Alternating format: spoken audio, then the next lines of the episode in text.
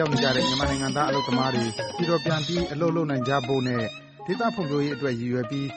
ဒီထားဝယ်ရေနက်စီမံကိန်းကို ဇုန်အလိုက်ခွဲပြီး လုပ်ဆောင်ဖို့ စီစဉ်ခဲ့တာဖြစ်ကြောင်း စီမံကိန်း စတင်ကတည်းက အတွင်းကျကျ အထုလေ့လာနေသူလည်းဖြစ်၊ဒေသခံတဦးလည်းဖြစ်တဲ့ ကိုလေးလွင်က ပြောပါတယ်။ကျနော်တို့ ထားဝယ်တွေ၊ဗမာတွေ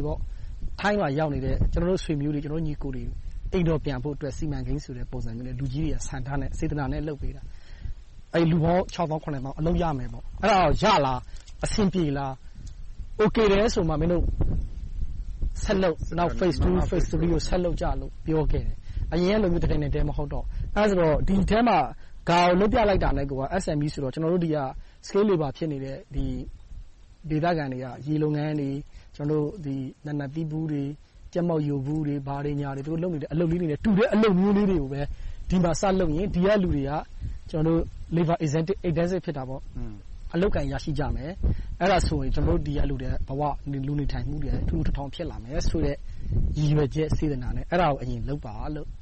ပြောခြင်းပါ။ဒါပေမဲ့ ပြည်ပမှာ ရောက်နေကြတဲ့ မြန်မာအလုပ်သမားတွေ ပြန်လာရေးအတွက် ပြည်တွင်းမှာ လုပ်ဆောင်မယ့် စီမံကိန်းတွေကနေ ရရှိမယ့် အကျိုးခံစားခွင့်တွေဟာ ဆွဲဆောင်မှု မရှိဘူး ဖြစ်နေတယ်လို့ သူက ထောက်ပြပါတယ်။ရှင်းရှင်းလေးပဲ ယိုးဒယားမှာ အခု ဘတ်သုံးရာကျော် ရတယ် အန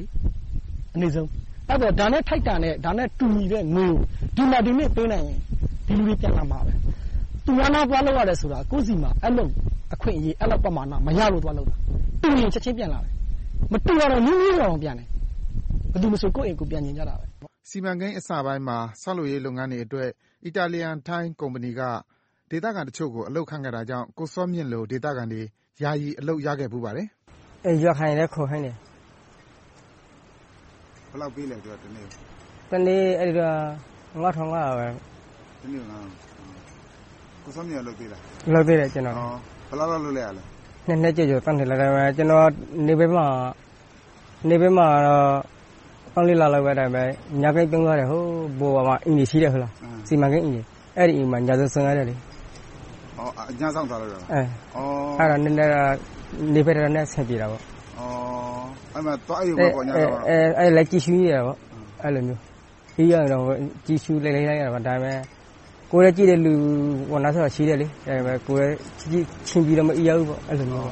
ဘယ်စီမံကိန်းပဲဖြစ်ဖြစ်မြန်မာနိုင်ငံရဲ့လက်ရှိတည်ဆဲရင်းနှီးမြုပ်နံှမှုဆိုင်ရာဥပဒေတွေနဲ့အညီလုပ်ဆောင်မယ်ဆိုရင်အခုလိုလွဲမှားစရာအကြောင်းမရှိဘူးလို့၈၈ပွင့်လင်းလူ့အဖွဲ့အစည်းကဦးအောင်နိုင်ဦးကသုံးသပ်ပြောဆိုပါတယ်။နံပါတ်အချက်ဗမာပြည်မှာထုတ်ထားတဲ့ဥပဒေတွေရှိတယ်။ဥပဒေနဲ့အညီလုပ်ပါလို့ကျနော်တို့ကပြောချင်တာ။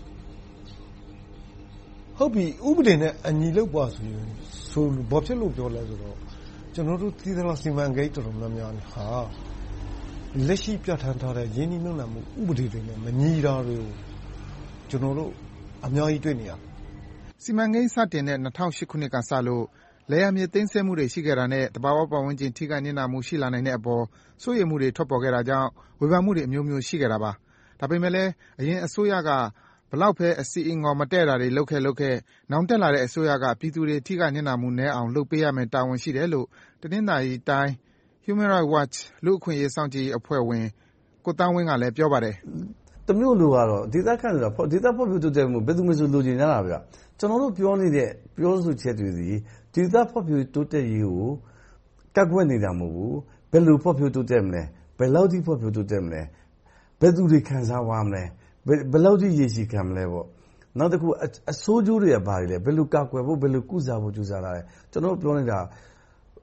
အဆိုးဆိုးချက်သည်အရှေ့မှာရှိခဲ့တဲ့နစ်နာခဲ့တဲ့လူတွေကိုပြန်မကုစားဘဲနဲ့အရှေ့မှာဖြစ်ခဲ့တဲ့အမှိုက်ပုံကြီးကိုဒီလိုပစ်ထားပြီးဂလကာချပြီးတော့အဲဒီအနတ်ဆိုးတွေနဲ့ပဲအဲဒီပြဿနာတွေနဲ့ပဲရှေ့ဆက်ဒါတွေကိုဘေးချိတ်ထားလိုက်သွားလိုက်မယ်ဆိုတော့ကျနော်တို့ကတကယ်ကအဲဒီလိုမျိုးမဖြစ်သင့်ဘူး။အစိုးရဆိုတာအစိုးရတရပ်ပဲရှိတယ်။ လူတွေကထင်နေလို့သာ။အုပ်ချုပ်သူတွေပြောင်းသွားကြတယ်။အစိုးရသစ်လို့ခေါ်တယ်။အစိုးရဆိုတာတခုပဲရှိရမယ်။ပြည်သူလူထုလေးစားရတဲ့အစိုးရဆိုတာတခုပဲရှိရမယ်။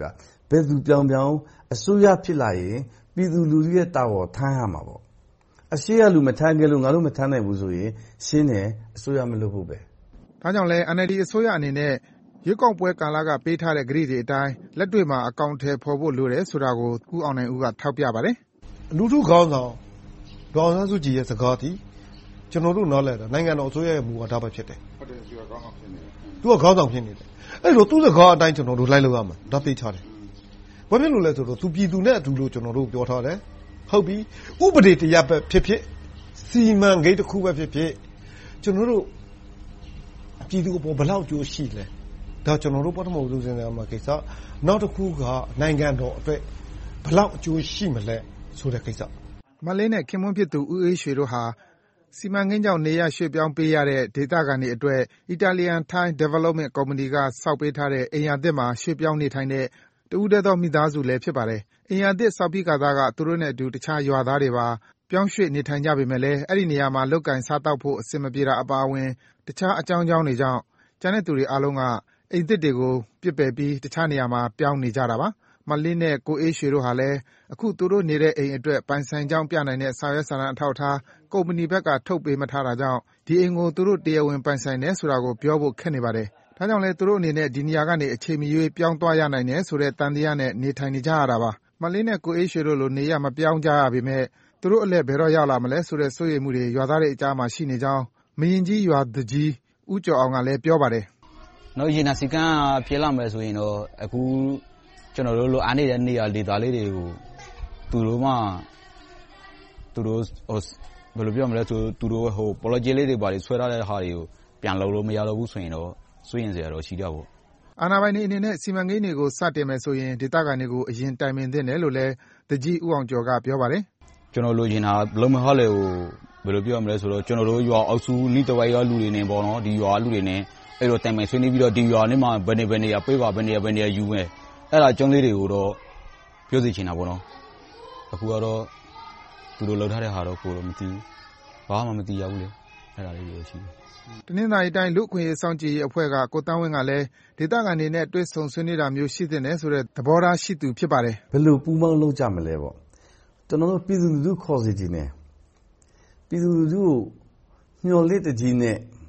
Plan တွေချပြမယ်။တချို့ကထင်တယ်ပြည်သူလူထုပါလာရှုပ်တယ်။ ဒါပေမဲ့ ဒါကိုလည်း စိတ်ရှည်နဲ့နားထောင်ပေးသင့်တယ်။ပြည်သူလူထုလည်းအရင်ကတည်းက ဖြစ်ခဲ့တဲ့ ပြဿနာပွင့်လင်းမြင်သာမှု အားနည်းခဲ့လို့ ဒီနေ့ဒီအချိန်မှာ ပွင့်လင်းမြင်သာစွာ လုပ်ပါ။ပွင့်လင်းမြင်သာစွာ ပူးပေါင်းပါ။ပြည်သူလူထုယုံကြည်ပေးပါ။ပြည်သူလူထုကို ဖြစ်စေပေးစေချင်တယ်။တကယ်ကြတော့ အဲဒီလိုသာ ကောင်းကောင်းလုပ်မယ်။ကျနော်တို့ဂျပန်ဆိုလည်း ယုံကြည်စိတ်ချရမယ်။သီလဝါ ဒီနေ့အထိ ပြဿနာ ရှိတုန်းပဲ။သီလဝါပြဿနာ ရှိတုန်းပဲ။ အဲဒီတော့ ပိုကောင်းလာအောင် လုပ်မယ်ဆိုရင် ပိုပြီးတော့ ပွင့်လင်းမြင်သာအောင် လုပ်ရင်တော့ အဆင်ပြေတာပေါ့။အခုက Information ဆိုတာ မေးမှသိရတဲ့ခေတ်။ဒါတောင်မှ တခါတလေကြ